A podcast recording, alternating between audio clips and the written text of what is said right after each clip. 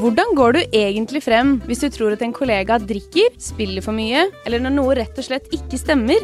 I denne podkasten tar vi opp temaer som av mange oppleves utfordrende å snakke om, og hvordan du går frem for å gjøre noe med det. I dag har vi besøk av HR-direktøren i en bedrift hvor hjemmekontor var en naturlig del av hverdagen lenge før pandemien. Men også de måtte gjøre noen endringer etter pandemien. Hva er oppskriften på et godt arbeidsmiljø med noen hjemme og noen på kontoret? Hvilke fordeler og ulemper har hybride løsninger på vår fysiske og psykiske helse? Det skal vi snakke litt om i dag. Gjestene i dag er da Kristin Ruud, HR-direktør i Kongsberg Digital, velkommen. Tusen takk, veldig hyggelig å være her. Og Stian Fjæringen, seniorrådgiver i Akan. Hallo, hallo. Um, Kristin, hvilke retningslinjer har dere hos dere i dag med tanke på oppmøte på kontor og hjemmekontor? Hos oss så eh, brenner vi for å tilrettelegge for fleksibilitet. Eh, så vi jobber med å utvikle en kultur hvor tid og sted ikke er så viktig, men et fokus på oppgaver. Så, så opplever vi at vi fortsatt er i en pandemi, selv om vi ser at den går mot slutten. Så vi er veldig opptatt av å imøtekomme og tilrettelegge for at folk kan jobbe fra der de har lyst til å jobbe fra.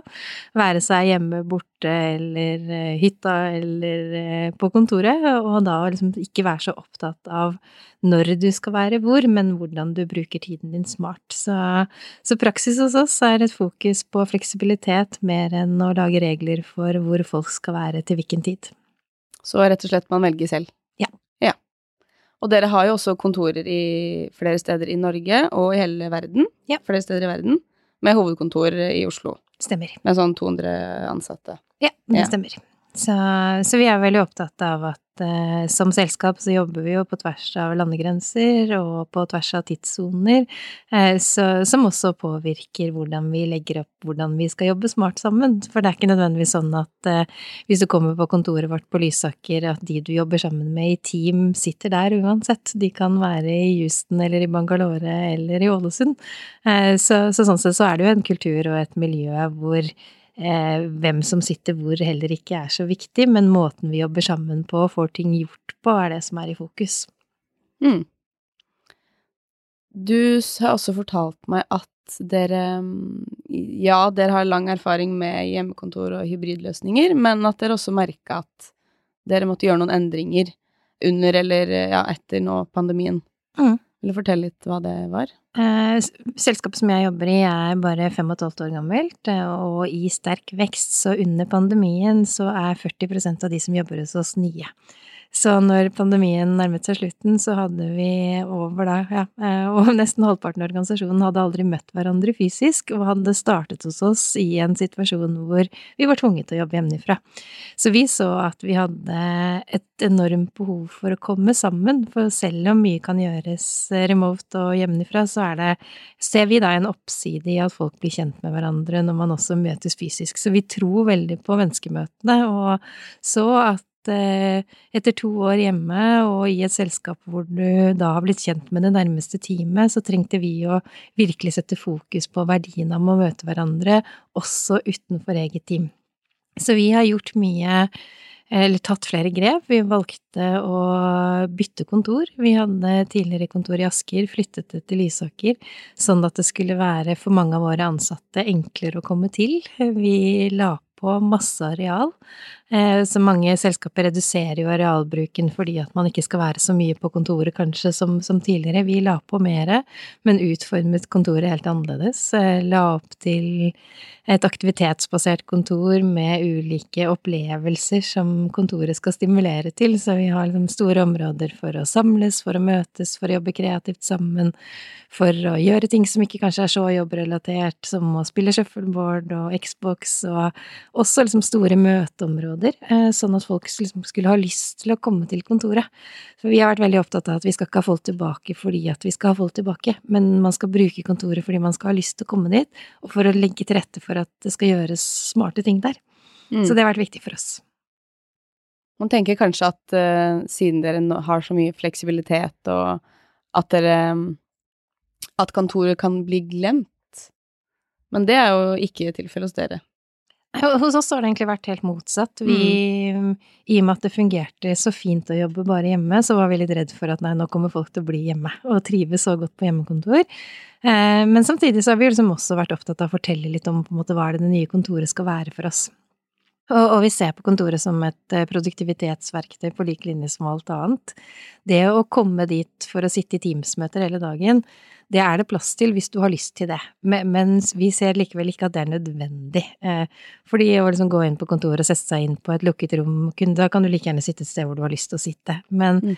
når du har oppgaver som du skal gjøre sammen med andre, eller hvor du ønsker å være kreativ, eller skal jobbe i et prosjekt, så er det kanskje mer praktisk å komme til kontoret for å gjøre det da i et felles rom og, og med, med en, et miljø som stimulerer til mer kreativt arbeid. Så vi, så vi har liksom vært veldig opptatt av å, å fortelle hva det kontoret kan brukes til, minne hverandre litt på at vi faktisk liker å være der, hvor hyggelig det er med et smil, og at det er folk rundt deg, og det er litt latter, og det er litt energi som kanskje ikke er på hjemmekontoret.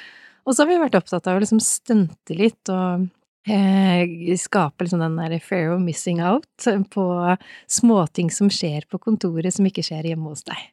Så vi har gjort ulike typer stunt, som vi setter kurs i mindfulness, eh, som plutselig liksom bare dukket opp i miljøet. En dag så hadde vi lagt eh, smilsjokolade på forskjellige rare steder på kontoret. Vi har leid inn en barista som plutselig var der, og ingenting av disse har vi liksom snakket om på forhånd. Men de som var der, fikk en opplevelse av at det skjedde noe der som mm. ikke skjedde hjemme på, på hjemmekontoret ditt. Så, mm. så, vi har prøvd å leke litt med litt utradisjonelle metoder, kanskje, for å skape en interesse for at kontoret er ikke det samme som hjemme, da. Mm. Så, men altså, har vi oppskriften? Absolutt ikke, men jeg tror kanskje vi har turt å eksperimentere litt. Mm. Har dere merka at det for, um, for, flere ansatte har vært uh, en slags terskel for å komme tilbake igjen på kontoret? For at man har hatt det uh, Jeg vet ikke om man skal si fint, det kan jo være både òg, men om at hjemmekontoret har vært det fortsatt er litt vanskelig å velge det bort? Vi har veldig mange småbarnsforeldre eh, mm. som har trivdes kjempegodt på hjemmekontor eh, fordi at det har gjort logistikken i hverdagen veldig mye mer praktisk. Mm. Eh, også at folk som har reist mye før, som eh, nå har liksom egentlig Også fordi at kundene våre har blitt vant til å gjøre ting på Teams, eh, ser at vi kan spare masse tid i forhold til hverdagslogistikk, som veldig mange av oss også syns at det har vært veldig fint å jobbe hjemmefra. Eh, samtidig som vi kom fra en verden hvor man alltid kunne velge begge deler. Så, så vi opplever jo at mange har savnet det å kunne møte hverandre, eh, selv om logistikken hjemme har vært praktisk. Men vi, vi prøver å tulle litt og bruke også liksom humor som et virkemiddel for å spille på at at eh, det å komme sammen er fint, og du har kanskje glemt egentlig at du liker å være sammen med andre. Mm. Så, så, vi har vi lagd en del sånne ting, både kommunikasjon og filmer og små småting som vi distribuerer også for å minne hverandre på at eh, det er faktisk ok å ta av seg pysjbuksa, og det, selv om eh, det er veldig praktisk med, med, hjemmekontor, så er det litt deilig at ikke datteren din på fem år kommer inn i alle møtene dine, og ja, litt sånn bruke litt ulike metoder også for å prøve å bryte litt vaner, for vi, vi, ser at vi har kommet inn i en vane nå hvor også kalenderne våre er ene og alene bygget for å jobbe hjemmefra. Og det var lettere når alle var hjemme. Mm. Så, så, det å få folk til å tenke helt nytt rundt også, liksom, hva er det jeg skal gjøre, eh, og hvor er det praktisk å gjøre det? At uh, jeg tror vi har satt oss opp for utrolig mye møter nå som ikke er nødvendig å ha. Eh, og det å prøve å liksom få folk ut av hjemmekontoret, så må vi også bygge om kalenderen. Fordi eh, når du har liksom Teams-møter fra åtte til fire hver dag, så virker det tungvint å dra på kontoret. Og da må vi kanskje liksom tenke litt nytt på hvordan vi setter opp dagene våre. Mm. Så, så, det er absolutt vaneendring som pågår hos oss. Det er det hos oss også.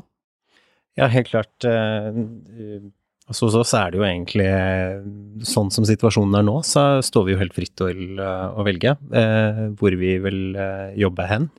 Eh, og så er du er litt inne på det med prøving og feiling, og det er nok litt den fasen vi er inne i i Akan kompetansesenter òg, at vi eh, ved å åpne opp og, og, la de ansatte være med å eksperimentere litt hva funker best for meg, eh, tror jeg nok har vært en sånn eh, Du snakker om fleksibilitet, og det er jo fleksibilitet i, i vid forstand, ikke mm. sant? At vi, og det er ikke sikkert at det som er rett for meg disse første månedene etter gjenåpningen er det som viser seg å være rett for meg når jeg skal tilbake igjen etter sommeren, for eksempel. Så det å faktisk prøve ut og teste ut litt hvilke oppgaver er det faktisk jeg løser bedre når jeg er på jobb?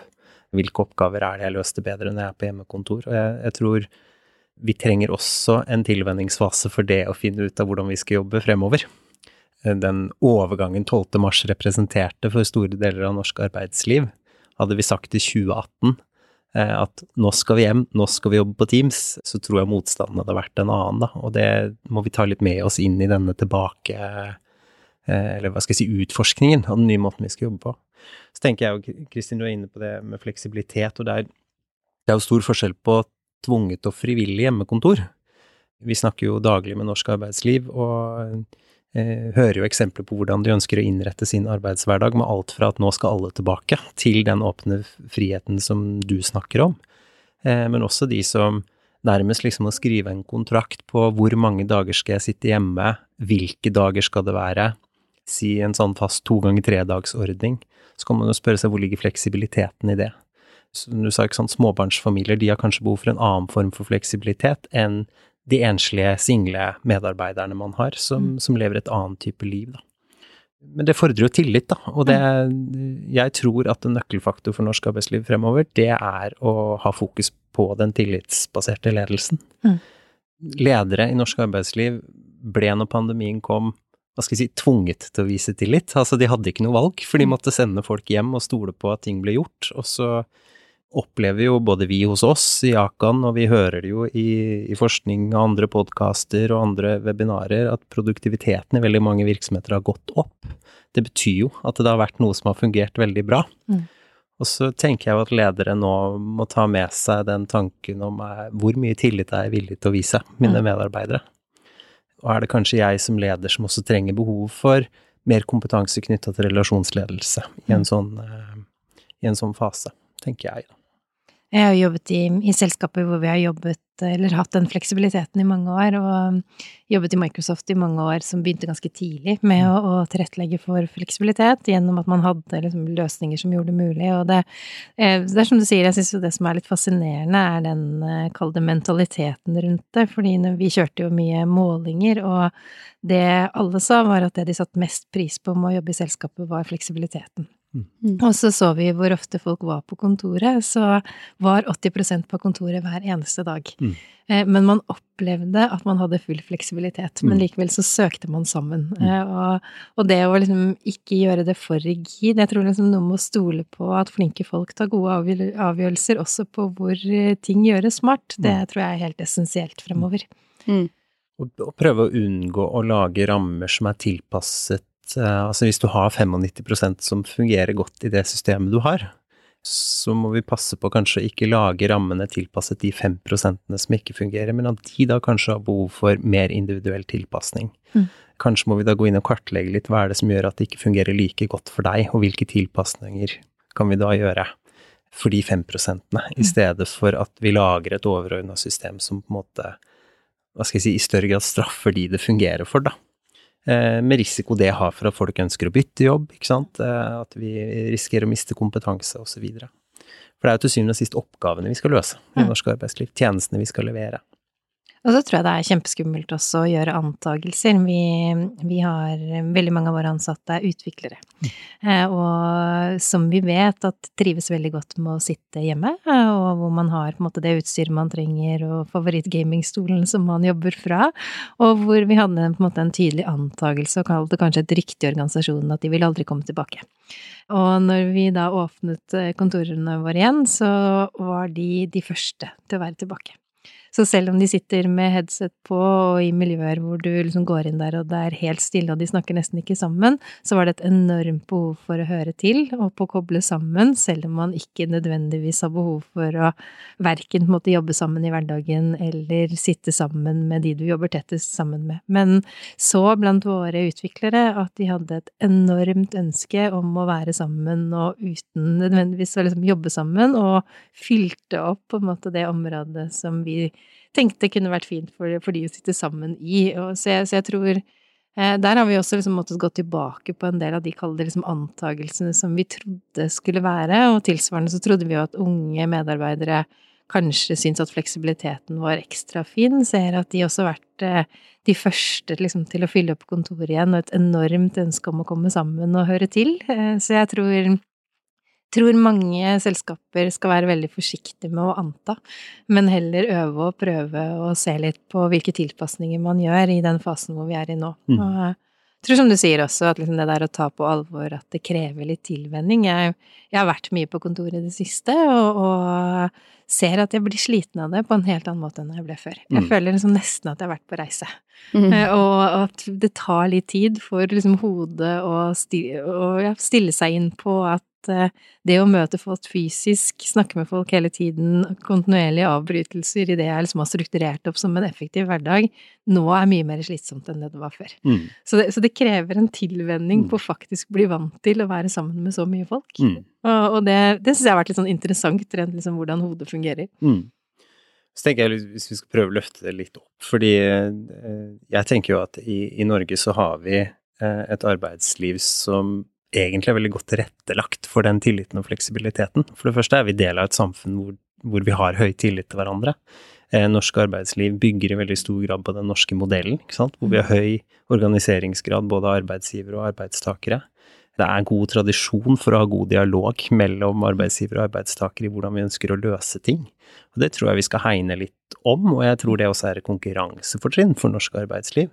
Mm. Og det er jo egentlig den samme tankegangen vi har i Akan-arbeidet. Altså den modellen vi jobber etter, bygger jo på partssamarbeidet i norsk arbeidsliv. Mm. Jeg tenker på det å få involvert eventuelle tillitsvalgte, det å spille på lag med vernetjenesten i hvordan vi ønsker å organisere arbeidet vårt, tror jeg også kan være en viktig faktor. Og det ser vi også på virksomheter som lykkes med det rusforebyggende arbeidet som vi jobber med. ikke sant? At der de får til den åpne dialogen mellom partene i arbeidslivet, så er det enklere å få formidlet ut den kulturen vi ønsker at vi skal ha i vår egen virksomhet, da. Mm. Og det tenker jeg er en overføringsverdi også til måten vi skal jobbe på, utover bare det lille, lille temaet vi i Akan jobber med, men generelt det å ha et godt arbeidsmiljø. Ja, det mm. tror jeg er helt enig med deg, og så tror jeg jo andre vei også det, og der hvor det kanskje er litt uvant for oss, er at vi liker jo ofte det forutsigbare som regler eller praksiser representerer. Og det å når vi åpnet kontoret på, på, Lysaker, så var vi veldig tydelige på at det kontoret skal være et uh, office in the making. Og det vi flytter inn i nå, kommer vi til å gjøre justeringer på. Mm. Uh, og det, det, skal være fleksibelt på hvordan vi bruker det, fordi at også arbeidet vårt kommer til å utvikle, oss, utvikle seg, som gjør at vi også trenger å gjøre endringer på hvordan vi effektivt bruker kontoret og arealet. Og, og har i det hatt kjempegod dialog med tillitsvalgte og ansattrepresentanter på på flere nivåer også sett hva andre gjør, og ser at det, eh, styres veldig fort inn i ja, men kan vi ikke bare få en regel for det? Og så bruker man gjerne på en måte det legale kortet på ja, men hvordan er dette med tanke på skatt, forsikringer, hvordan skal vi gjøre dette her, hva er reglene, hva kan jeg få av subsidiering for hjemmekontor? Så jeg opplever på en måte at sånn som vi er skrudd sammen som mennesker, så søker vi veldig ofte etter fasitsvar som er svart-hvitte, mm. selv om det vi trenger i den fasen vi er i nå, er et mindset hvor vi utforsker, er nysgjerrige, tør å tro på at de justeringene må vi gjøre fortløpende, men samtidig liksom tar litt tid å endre vaner. Så jeg, jeg opplever at det krever at vi møter fremtiden med nysgjerrighet på en litt annen måte enn det vi kanskje er trent på å gjøre, da. Ja. Mm. Nå jobber jo du i en virksomhet hvor selvbestemmelse over egen arbeidshverdag har vært der fra dag én, ikke mm. sant, i den fleksibiliteten. Men det er klart at det der eh, Vi møter jo eh, også virksomheter i norsk arbeidsliv som eh, måtte ta inn over seg dette med hjemmekontor, hvor de ansatte i større grad måtte styre sin egen hverdag, som kanskje ikke er vant til det. ikke sant. Så mm. du sier at man Vi er vanedyr, og vi er vant til noen rammer og regler. Så, så, nå har jo mange av oss ansatte hatt liksom to år på seg til å liksom kjenne litt på det å faktisk ha en større eh, selvbestemmelse over egen arbeidshverdag. Mm. Og jeg tenker at det faktisk som leder eller som kollegafellesskap tørre å stille det spørsmålet til sine ansatte. Hvordan har du opplevd det? Mm. Eh, hva syns du har vært det fine med det? Mm. For det er klart at eh, forskning på organisasjonskultur og, og, hva er det som bidrar til at folk liker jobben sin, altså opplevelse av høy grad av autonomi, vet vi jo noe om at det har en stor effekt på på det å trives i et arbeidsmiljø. Mm. Så, så, jeg tenker at det handler også litt om hva vi var vant til før. Mm. Og selv dere som var vant til dette med stor grad av autonomi, ikke sant. Mm. Selv dine ansatte eh, søker det du kaller liksom litt de stramme rammene. Mm. Og den balansegangen, den eh, Du spør om oppskriftshjulet, og jeg tror ikke det fins en oppskrift på det, men jeg tenker at det du sier, Kristin, om å utforske, og sånn vi jobber i dag, er ikke nødvendigvis sånn vi jobber om en måned eller om et halvt år. Mm. Hvis vi tør å være frie i den tanken, da, og ikke låse oss for tidlig, så tror jeg at uh, det kan ha en stor effekt på at vi får med oss hele ansattgruppa på måten vi ønsker å jobbe på. Mm. Mm. Og så tror jeg det er, liksom, det er jo ulike ting som fungerer veldig godt for ulike selskaper, men også liksom i ledelse. Og vi ser eh, vi gjør mye målinger hos oss da, og ser at eh, opplevelsen av å føle seg sett har vært høyere under hele pandemien. Ja, det er jo interessant. Og jeg, jeg syns jo det er liksom interessant også på, på hvordan vi liksom har satt oss opp, og det er klart at kanskje mange, ble, mange ledere ble mer bevisst på å liksom følge opp teamene sine med litt andre typer spørsmål, som du sier, liksom hvordan har du det egentlig? At vi Det var lettere kanskje å stille de spørsmålene fordi vi hadde en kontekst hvor vi kunne tillate oss å spørre om det på en annen måte, mm. eh, men, men, også fordi at vi har hatt hyppigere liksom sjekk-in og én-til-én med, med, med teamene våre når man sitter digitalt i, i en, kall det liksom samtale samtale én til én, så opplevde mange at de hadde en leder som var mer til stede. Det var ikke på en måte mm. avbrytelser og forstyrrelser i de samtalene på samme måten som hvis du var på kontoret. Så det er jo også noe som du sier, å ta med seg liksom de tingene som vi ser at har fungert kjempefint, mm. og fortsette med det, og så gjøre justeringer der hvor vi ser at det finnes muligheter for å gjøre ting på en enda mer effektiv måte. Mm. Men uh, jeg tror, tror, det ligger masse læring her som er veldig skummelt å liksom skulle måke på at nå skal alle tilbake på kontoret, for det er, eh, det er veldig lett å spørre hvorfor. Og mm. jeg tror de som eh, blir for rigide der og lager for mye regler, de vil, eh, som du sier, eller som du var innom, miste på en måte konkurransekraft rundt det å beholde de flinkeste. Det er i hvert fall en risiko, da. Mm. Jeg syns du sier det med at opplevelsen har blitt sett hos medarbeiderne men kanskje også som du er litt inne på det med ledere som tør å stille noen andre spørsmål enn de har stilt tidligere. Mm. Altså, det opplever jo også vi i henvendelsene vi får, dette med det økte fokuset på den psykiske helseeffekten av mm. de årene vi har vært igjennom. At det har gjort noe med bevisstheten rundt mental helse, psykisk helse i et arbeidsmiljø. Mm. Og selvfølgelig de som tar kontakt med oss, er jo opptatt av uh, også de elementene som handler om, om rusforebygging eller ivaretakelse av folk som har utfordringer.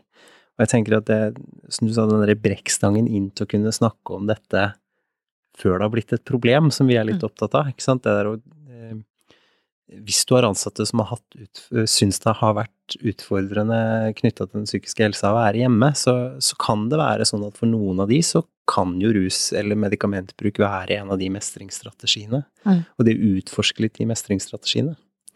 Så tenker jeg at det handler også noe om den psykologiske tryggheten på jobb. Jeg mm. tror at, eh, sånn som du sier, de lederne som nå tør å spørre, og de medarbeiderne som tør å svare på mm. de spørsmålene, mm. som kanskje går litt mer på meg som menneske enn bare oppgavene jeg skal løse, der har vi kanskje klart å få noen innspill til et ytringsklima hvor det faktisk er greit å begynne å si ifra at eh, du har det faktisk ikke så greit, eller eh, takk for at du spør, og takk for at du ser meg. Ikke sant de lederne du har som har turt å stille de spørsmålene, jeg syns jo det er kjempespennende hvordan kan dere jobbe med for å bevare det, ikke sant. Mm. Sørge for at ikke det forsvinner når pandemikrisa er over, ikke sant. Kan vi ta med oss det ytringsklimaet som dere opplever eh, videre inn i arbeidsmiljøet, da. Mm.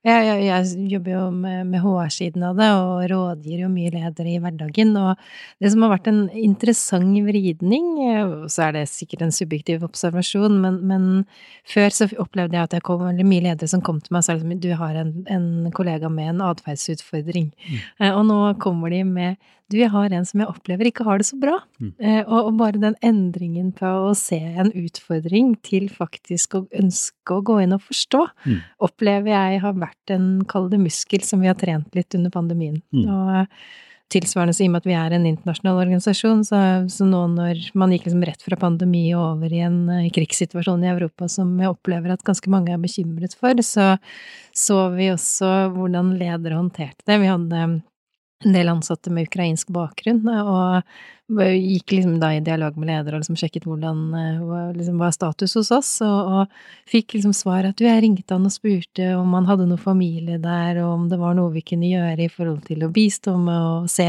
på hva som skal til for at han har det litt bedre. Så jeg, så jeg opplever en kall det nysgjerrighet mm. rundt hva som skal til for at folk har det bra, mm. som ikke hos oss tematisk ble snakket om på samme måten før. Nei. Og det er jo kjernen ofte i de samtalene vi har med ledere. ikke sant? Som det starter jo gjerne med at jeg er bekymra for en medarbeider, eller jeg lurer på hvordan det går med en medarbeider. Gjerne fordi man har sett noen atferdsendringer, eller mm. man har sett noen endringer i måten vedkommende har prestert på på jobb, ikke sant, eller vi har sett at det oppstår et fravær som ikke har vært der tidligere. Og det der å gå fra den nysgjerrigheten du snakker om, da, til å faktisk si det til deg som min medarbeider, jeg er bekymra for deg. Mm. Ikke sant? Vi opplever jo ofte at uh, og det, dette begrepet den vanskelige samtalen ligger der ute, og så mm. er nok jeg litt der at jeg kjøper ikke helt det premisset, for jeg tror nok at i veldig stor grad så er det lederen sjøl som forbereder seg på at det skal bli vanskelig. Mm. Og så viser jo uh, en undersøkelse som Responsanalyse uh, gjorde for oss i fjor, altså hva ble du møtt med når du tok de bekymringssamtalene? Mm. Så er det jo da to av fem som sier at jeg ble møtt med takknemlighet. Mm. Og det er sjeldent vi møter ledere som sier at jeg har forberedt meg på at det kan komme. Mm. Apropos de antagelsene du snakket om, mm. ikke sant. Vi vet egentlig ikke hva som skjer på andre siden, men det vet du bare hvis du tør å stille det spørsmålet, da. Mm. Mm. Og så tror jeg, som du var innom på, det å, å ha en kultur og en, et miljø hvor dette gjøres proaktivt, og hvor du ofte tar den sjekken selv om det kanskje ikke er de store greiene, mm. eh, men hvor det blir en naturlig del av den dialogen du har uansett, mm. så tror jeg jo at på en måte opplevelsen gjør at det er ikke så skummelt, og det er ikke så vanskelig, men, men, hvor du har ledere som over tid liksom kjenner på at dette blir vanskelig, og utsetter og utsetter og utsetter, så kanskje problemet vokser seg større, eller du mm. har ikke på en måte den naturlige relasjonen som gjør at du kanskje går inn med en konflikt på en helt annen måte, fordi du nettopp er forberedt på at dette blir tøft, da. Mm. Uh, så, jeg, så, jeg, tror liksom det der å, å snu liksom hele fokuset til å jobbe på en måte proaktivt med å skape et miljø hvor den type temaer er en helt naturlig del av hvordan vi jobber sammen og snakker mm. sammen. Eh, og at det handler om å liksom se og høre og inkludere og bry seg om hverandre. Ja. Eh, tror jeg er mm. kjempeviktig. Hvis vi snakker litt sånn helt konkret, for eksempel hvis en, eh, en leder hos dere skal um, ta opp en sånn vanskelig ting, man er bekymra for en ansatt, eller um, ja, om det handler om et eller annet man er bekymra for, om mm. det er rus, eller om det er psykisk helse, eller om det er noe annet. Hvordan eh, pleier dere å gjennomføre sånne samtaler? Vi, vi, har satt oss opp sånn at vi har ganske små team, så, så ledere hos oss har et snitt på åtte kollegaer. Eh, og vi tror på det fordi at eh, det, det er noe med den dynamikken som skapes i forhold til å liksom få en trygghet i teamet. Og i dette så har vi også liksom en rytme hvor man har faste månedlige samtaler og, og, har på en måte tett oppfølging, så, så det ligger liksom en, kall det struktur i bunn på, på, hvordan ting håndteres liksom med vanlig oppfølging, og så tror vi veldig på at dette som gjøres i relasjon med nærmeste leder. Mm. Eh, og, og, veldig ofte så er noen fra, fra HR-siden involvert i sparringen, men, men, vi er ikke der at vi liksom går inn og tar de samtalene for lederne våre, det skal de stå i selv.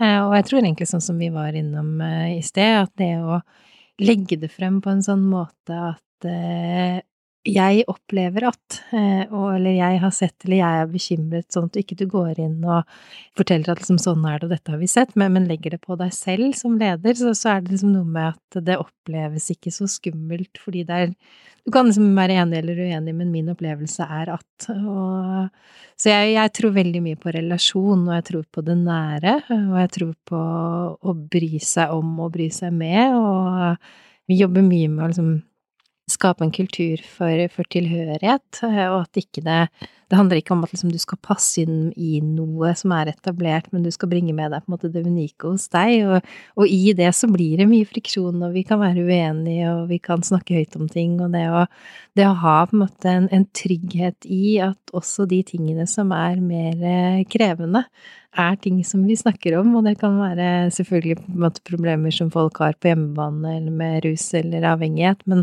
det kan også være liksom inn i hvordan vi løser opp andre typer oppgaver mm. hvor vi er helt uenige enige om mm. veien til mål. Mm. Eh, og det å liksom bygge det klimaet, den tilliten til at selv om vi pirker borti hverandre og utfordrer, så er det ikke fordi at vi skal gjøre ting vanskelig, det er rett og slett fordi at vi har lyst til å lykkes sammen, da. Mm. Så jeg tror ja, selve liksom samtalene er nok veldig forskjellige avhengig av liksom personen det gjelder, men, men, med en sånn genuin tro på at vi gjør det fordi vi vil hverandre vel, da.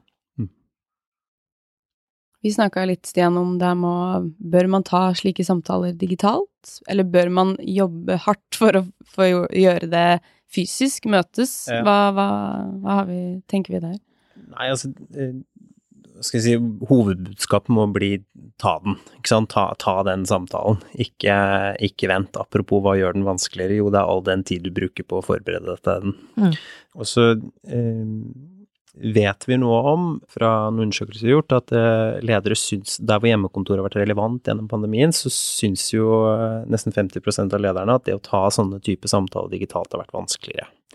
Det er klart man mister jo kroppsspråk, du mister eh, aspektene ved den fysiske nærheten av å sitte i ett og samme rom. Du mister kontroll på hvem som er bak den skjermen, ikke sant. Det, for alt du vet, så er det ikke vedkommende sjøl som utfordringer, men det kan jo være en pårørende som sitter bak der som har noen utfordringer. Mm.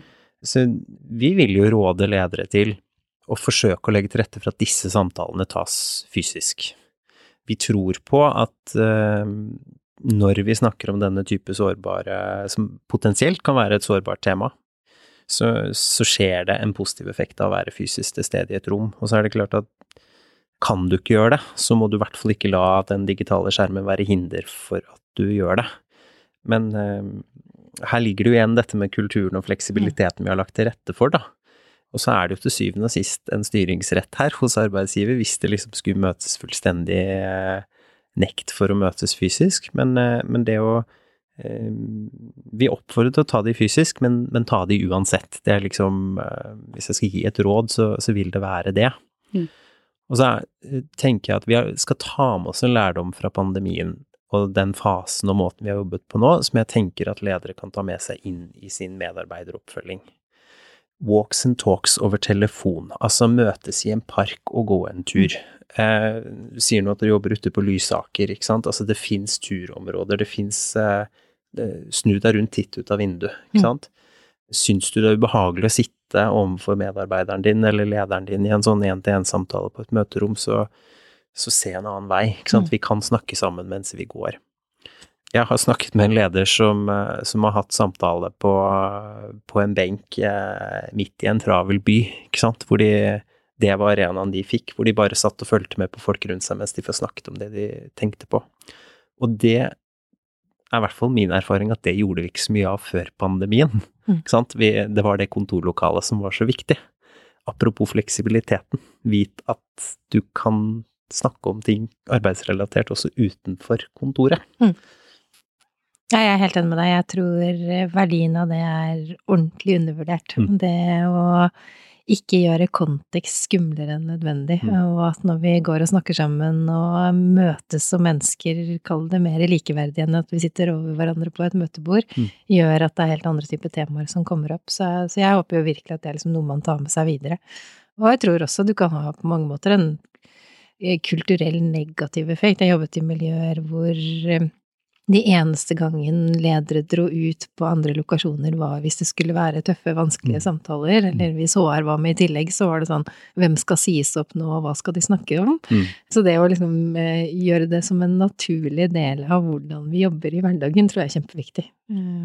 Over eh, et spill på Xboxen ikke sant? Som dere har der, eller shuffleboardet. Eh, mm. leder tar en shuffleboardrunde med sin medarbeider, så er det, det, det, er også en arena for å kunne Du, jeg har tenkt litt på en ting. Mm. Jeg har observert en ting. Så, så, det å bruke de arenaene vi skaper i dag, også til de tingene vi tror skal være så formelt, mm. det tror jeg kan være for noen en inngangsport til å kanskje senke terskelen for oss å ta opp de litt vanskeligere temaene, da. Mm. mm. Helt enig. Nei, jeg tror det. og har liksom ulike miljøer som stimulerer til ulik type relasjon, mm. tror jeg er kjempeviktig. Ja, så er det selvfølgelig forskjell og ulike personligheter og preferanser og alt i dette, men jeg tror liksom å finne en, en flyt på noe som man opplever liksom naturlig for seg og sitt, mm. og, og ut ifra liksom de oppgavene man løser. Og det er vi snakket om det litt eh, før i dag også, rundt det og liksom Det er jo en del ting som ikke nødvendigvis passer å gjøre, eksempelvis i et, en åpen eller fleksibel sone. Sitter du i en jobb hvor du jobber med mye som er eh, sensibelt eller konfidensielt, så er det liksom noe med at eh, da kanskje det skal tas i, i, et lukket rom og flytte ting ut, mens andre har jobber hvor man naturlig på en måte bør dele mer og jobbe sammen med andre. Og jeg tror liksom noe av det viktigste er liksom at det er en one size fits nobody, mm. og at vi mm. klarer å finne måter å gjøre ting på fremover som passer både for individet og for fellesskapet, og det å bryte ned en del av de liksom handlingsmønstrene og vanene som vi tror måtte til, da. Mm. Sånn, før vi skulle bli inspirert, så skulle vi dra på et konferansehotell og sitte i en sal. Det kanskje fungerer kjempe oppi i marka over et bål. og mm. mm. det å ta den samtalen Jo, det hadde vi alltid på det rommet inne i hjørnet, men alle visste hva slags type samtaler som pågikk der. Så når de er på parken mm. eller på benken i byen, så er det med en helt annen på en måte, trygghet til kontekst, da. Mm. Så, så, jeg håper at man tar med seg det, den læringen der, og også utforsker det ytterligere. Mm. Hvis vi snakker sånn om, om, arbeidsmiljøet, da. Føler du at dere mister noe når det, når det, er noen som jobber hjemme, og noen på kontoret? Tenk, har dere tenkt noe på den uh... Jeg opplever jo at vi Det at noen er hjemme og noen borte kan være litt komplisert, eh, særlig inne i måte, det som skjer før og etter et møte. Eh, for veldig ofte så har vi sånn struktur på liksom selve møtene, men den uformelle tonen i forkant av møtet, og også kanskje gjerne det vi konkluderer med når møtet er ferdig, den opplever jeg at ikke vi får alle med på på samme måten når vi jobber hybrid. Eh, for det er typisk de som da sitter hjemme, de logger av idet klokken på en måte slår hel, og så eh, fortsetter på en måte dialogen med de som er på kontoret. og eh, så, så den, den, delen har vært på en måte ting som vi liksom er liksom bevisst på. At hva, hvordan styrer vi på en måte møtene våre, og hvordan konkluderer vi, og hvordan bruker vi tiden? Samtidig som eh, for vår del, hvor vi har folk sittende over hele verden, de opplever jo at de har vært koblet på på like premisser på en helt annen måte enn det de var før. Mm. Fordi at eh, vi har lagt opp måte mye mer struktur rundt hvilke møter kjører vi heldigitale, og uh, hva tas fra på kontoret. Og vi som da har hovedkontoret i Oslo, så opplever man liksom før at de som var der, fikk førstehåndsinformasjon. Nå har vi kunnet dele informasjon med hele selskapet i real time på en annen måte. Eh, så jeg, jeg, tror at det er masse ting vi må liksom øve på å få til å gjøre bedre, og det er liksom fordeler og ulemper med alt. Men det handler egentlig liksom mye mer om å bli bevisst i de små tingene, og vi har vel hatt en ukultur hvor vi har konkludert mye etter at møtet er ferdig. Så vi mm. må bli flinkere til å liksom bruke mm. tiden inn i møtet til å gjøre, og så bevege oss videre. Det er noe med hvordan vi strukturerer tiden vår, rett og slett. Så, men at det hybride er kjempelett, nei, det syns vi ikke. Nei. det kjenner vi oss igjen i, Julie. Vi er jo mm. en tilvenningsfase på det. Det er jo altså bare til noe så enkelt som uh, har vi de gode tekniske løsningene nok, mm. for å gjennomføre, gjennomføre den type hybrid uh, møtekultur, er jo mm. et aspekt ved det. Og vi er en liten bedrift. ja. Vet, uh, vi snakket sånn om behovet for kjøreregler, og det, mm. det er jo ikke sånn at fleksibilitet betyr fullt frislipp, sant. Det er kanskje noe med at i Kanskje må man snakke noe om møtekultur, da. ikke sant? Du, dere har gjort en refleksjon om at jøss, vi konkluderer jo egentlig på vei ut av møtet, vi og bort til kaffemaskinen mm. etter mm. møtet, enn i selve møtet. Og det er jo en sånn, altså apropos god observasjon og god læring, tenker jeg, mm. som er, er, veldig fint. Og så er det jo, jeg tenker jo det er jo ikke alle i norsk arbeidsliv som har råd til shuffleboard og Xbox i et kontorfellesskap, ikke sant. Det, er jo, det, er jo, det handler jo både om økonomiske rammer og valg man ønsker å ta, og eh, så, så, den derre balansen mellom individets behov og fellesskapets behov eh, Jeg tror jo på det du sier om å gjøre den fysiske arbeidsplassen til et attraktivt sted å være, ikke mm. sant. Mm. Og så er det kanskje for noen virksomheter eh, andre måter de må løse det på. Ikke sant? Hvordan skal vi ivareta det sosiale fellesskapet på arbeidsplassen vår? Får dette en konsekvens for måten vi samarbeider på? Oppstår det noen siloer som kanskje ikke var der før, ikke sant? Men, men jeg tror at egentlig det er litt sånn en ringen sluttet for hva vi har snakket om også, fordi at det er noe med vi, vi startet med å si noe om eksperimentering og mm. tillate seg å prøve og feile, da. Og jeg tror at det må vi også gjøre i arbeidsmiljøsettingen. Jeg sa noe om at vi i Akan har, den, vi har en ganske stor frihet på hvor vi skal jobbe nå, men vi har jo også ledere som har ganske hyppige avsjekker med oss. Vi har jevnlige statussamtaler for å undersøke sånn det har vært nå, hvordan fungerer det, ikke sant, sånn at vi hele tiden kan gjøre de justeringene, da. Mm. For Julies behov eh, og dine behov, Kristin, og mine behov kan være ulike fra ulikt tidspunkt, da. Mm. Og så, så tror jeg at man kan gi det også lage noen arenaer. Altså vi jobbet da når jeg også jobbet i Microsoft, så spiste vi frokost sammen hver fredag. Eh, og det gjorde vi på alle lokasjonene våre. Og i det så sa man aldri at det var obligatorisk, men alle kom. Eh, og i, i, det så var det liksom en halvtime hvor man delte læring på ting vi lykkes med, ting vi ikke får til, eh, kunder, partnere, mm. og folk visste at liksom mellom halv ni og ni så spiser Microsoft frokost sammen. Mm. Jeg har tatt med meg det til mange andre selskaper også, og for, for vår del så har det vært kjempefint å liksom få folk sammen på fredagene. For det er liksom noe med at det er ofte en litt roligere dag, vi har tid til å liksom snakke sammen om ting som vi ikke snakker om, du kan si at liksom du god helg når vi går hjem, vi kan planlegge for uka. Eh, så, så liksom eh, produktivitetsmessig effektivt på en måte å ha folk eh, inn på fredager, samtidig som vi sa liksom aldri at det var obligatorisk, så hvis du gjorde ting eller skulle jobbe fra hytta, så var det også liksom helt greit, men folk var litt redd for å gå glipp av det. Mm. Eh, og, og, det hadde en enorm på en måte, kulturell effekt. Og jeg tror liksom det å finne liksom dager, strukturer, arenaer som man skaper ved å liksom, folk har lyst til å komme til, da. Det tror jeg er viktig. Og jeg tror klart at sånn som vi har gjort noe med kontoret, vel som krydra det med litt aktiviteter og litt sånne ting, og det jeg skjønner at ikke alle på en måte har muligheten til det, men jeg tror det å likevel si at liksom på hver tirsdag så går vi tur i lunsjen, mm. eller da gjør vi dette, eller så fant vi på en aktivitet som vi sammen med nabobedriften har en felles et eller annet, ja. Eh, så tror jeg det er liksom noe med å tørre, som vi har vært innom flere ganger, Stian, på liksom det å eksperimentere og ikke liksom tro at vi behøver å gjøre allting selv. Vi kan se hva andre har gjort, ta med oss erfaringer derfra og gjøre, tvike det til til å passe for oss, da. Mm. Mm. Det tar meg litt inn på et av mine siste poenger. For den som trenger å komme på kontoret, men ikke gjør det, fordi du har det tøft, fordi mm. du plutselig nå har begynt å drikke veldig mye mer enn det du gjorde. Altså det Du har nye vaner, du har gjort andre ting som gjør at ja, man vil og bør kanskje dra på kontoret, men men det skjer ikke. Mm. Hvordan skal vi liksom klare å få de, få de på kontoret, og, og, kanskje da oppdage at her er det et eller annet som, eh, som ikke er greit? Jeg, jeg, tror jo på det er faktisk å være litt rigid, da. På at man eh, i team blir litt felles enige om på en måte når er det vi skal møtes.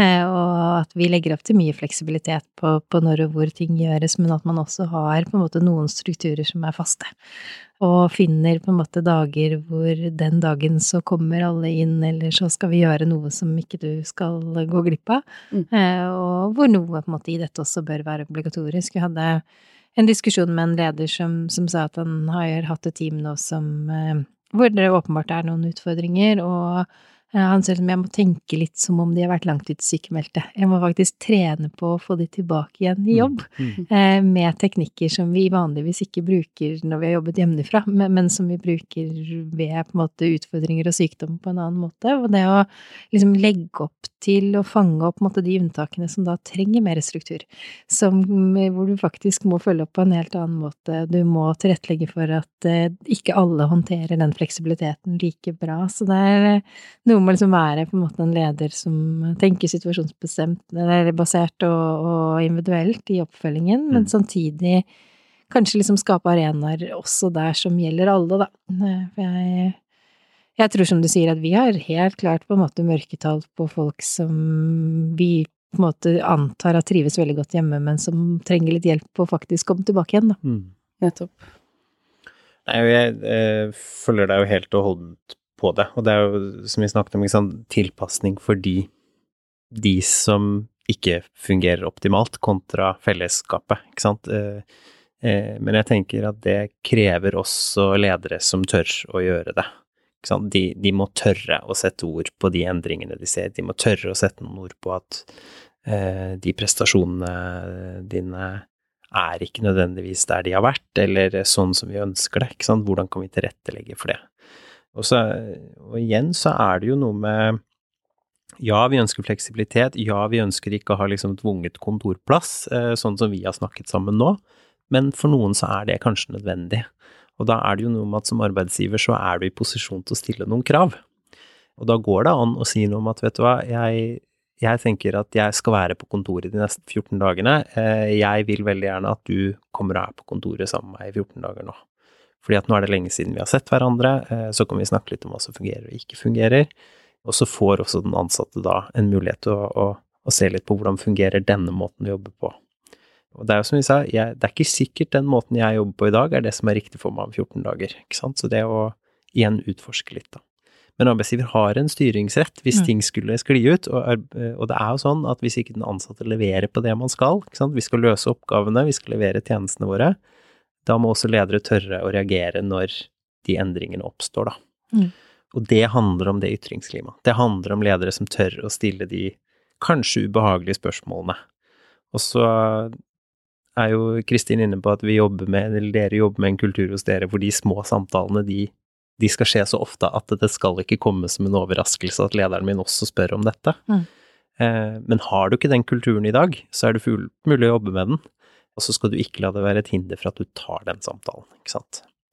Det hjelper ikke å si 'sånn er det ikke hos oss, jeg kan ikke snakke om det'. Det er liksom ikke et godt nok argument, tenker jeg da. Ja, det er jeg helt enig med deg, og det som du var innom også rundt at eh, det å liksom definere det som en vanskelig samtale, det er også feil. Eh, og så tror jeg det er noe med også å ta inn over at vi må, må dytte folk litt ut av vaner. Vi, vi har lagd et kontor som er fullt ut eh, aktivitetsbasert, med liksom ulike soner som er tilpasset ulike typer oppgaver. Og hvor du har på en måte en hev-senk-pult i et område hvor det er stille og rolig hvis du skal gjøre oppgaver som krever konsentrasjon, men så ønsker vi at liksom folk skal flytte seg rundt gjennom dagen ut fra hvilke oppgaver som skal gjøres. Men liksom dag to så har jo folk funnet seg en fast plass, og eh, noen trives godt på den vindusplassen og tar omtrent med familiebildet sitt og, og går naturlig rett inn dit, og da, det å kunne le litt av det, tulle litt med det, oppfor, vi har sperret av soner og sagt at i dag får du ikke lov å sitte der du pleier å sitte, finn deg et annet sted å sitte, og tulle litt i andre selskaper på å liksom stenge heisen og rappellere ned, og liksom, altså det å bruke, jeg tror noe med å bruke liksom humor på å ufarliggjøre, fordi som mennesker så har vi eller vi liker vannene våre, eh, og vi trives i en overgangsfase, så tror jeg kanskje nå at vi kommer til å tilrettelegge for individet enda større grad enn kanskje vi gjør på sikt, fordi vi mm. trenger nå å liksom bli trygge igjen på at mm. det er fint på kontoret. Og så kanskje vi tar bort flere av disse hev-senk-pultene som vi har der akkurat nå, fordi at du kan gå en tur eller sitte i en stol og ikke nødvendigvis trenger det møterommet.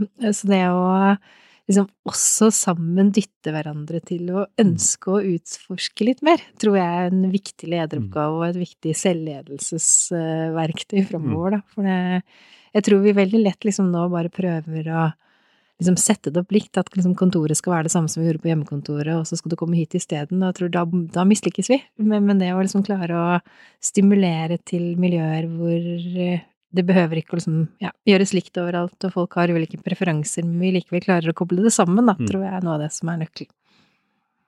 Mm. For de som liker veldig godt å jobbe hjemmefra, og ikke har noen måte, problemer rundt det, hvordan skal man best legge til rette for at de også blir inkludert? Eh, I hvert fall erfaringen som vi har gjort oss, så handler dette om å skape en tilhørighet kultur, uavhengig på en måte hvor du velger å jobbe fra, da. Eh, og jeg tror på en måte kommunikasjon er kjempeviktig, hvor du liksom har en felles retning, du har noen klare prioriteringer, og også på en måte et miljø hvor hva du gjør og hvilke valg du tar, ikke på en måte straffer seg. Og i det så har vi også liksom vært opptatt av å ha liksom rollemodeller som er liksom veldig tydelige på at uh, selv om jeg kunne vært på kontoret, så jobber jeg i dag fra hytta for jeg har lyst til å bruke ettermiddagen til å gå en skitur, eller uh, jeg velger å være hjemme i dag fordi jeg har barn som skal være hjemme fra barnehagen, og, eller jeg, rett og slett jeg liker å jobbe hjemmefra, og det å liksom åpne opp for at vi er helt forskjellige, og også snakke om at uh, selv om vi har ulike typer preferanser, så bidrar vi alle sammen mot et felles mål, da, tror jeg har vært viktig for oss. Eh, så vi har nok liksom snakket mye om meningen med det vi gjør, og eh, at det er den som liksom kobler oss sammen, eh, mer enn på en måte hvor vi jobber fra. Så jeg tror absolutt ikke at vi har oppskriften på det, men vi, vi prøver liksom at man har dobbelt utstyr, du har fullverdig på en måte hjemmekontor og samme som du har på kontoret, vi skal ikke liksom gjøre det noe kjipere å være der eller der, på en måte, og bruker ikke noe tvang på liksom skulle velge det ene eller det andre.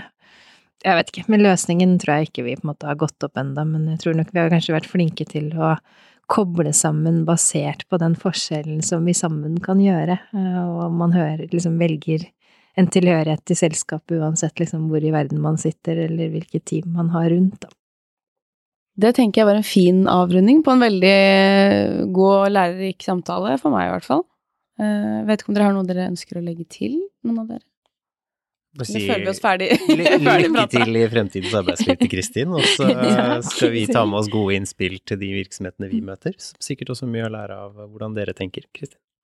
Og vi er jo eh, der at vi på ingen måte har fasiten. Jeg tror vi har testet ut litt som vi ser en god effekt av, eh, og så kommer det til å være i kontinuerlig eller utvikling. Og jeg tror det, det er litt der hvor vi også på en måte har lyst til å bruke sånn som dere, til å komme med, med ulike ideer om hva vi kan prøve ut. Eh, For jeg tror at liksom hele arbeidslivet er i en omveltning, og heldigvis. Eh, Hadde vi liksom sett tilbake og tenkt på hvordan jobbet vi i 2010 kontra hvordan vi jobber nå, så tror jeg vi er veldig glad for den utviklingen som har skjedd. Og Mm. da liksom ti år frem så kommer vi til å le litt av de utfordringene som vi baler med akkurat nå. Jeg tror at eh, kanskje liksom hovedpoenget og den læringen som, som vi har tatt med oss, det er at eh, liksom fokusere på oppgavene og det som skal gjøres, og ikke være så opptatt av tid og sted og, og antall dager. Eh, og vi har brukt mye liksom parallellen til eh, når man kjører hybridbil, så har man valgt det fordi man opplever at det er en måte å kjøre smart på, men du er ikke så nøye på når den slår over fra elektrisitet til bensin. Eh, Men du vet at for deg så er det en smart måte å kjøre fra A til B. Eh, Og liksom klarer vi å få den mentaliteten inn i arbeidslivet, og at vi vet at fleksibilitet og hybridjobbing er smart, men akkurat når og hvor og hvordan, det blir på en måte litt individuelt hvordan vi ønsker å legge til rette for det. Og som dere har sagt, det er nok ikke noen oppskrift på det her, men kanskje vi har funnet noen ingredienser som kan, kan hjelpe oss og andre. Tusen takk for eh, at dere ville komme. Takk for meg. Takk for oss. Takk for at du lytta til podkasten. Husk å abonnere, så får du neste episode direkte til mobilen din. Ønsker du mer informasjon om hva du kan gjøre, gå inn på akan.no. Er du bekymra? Ta praten.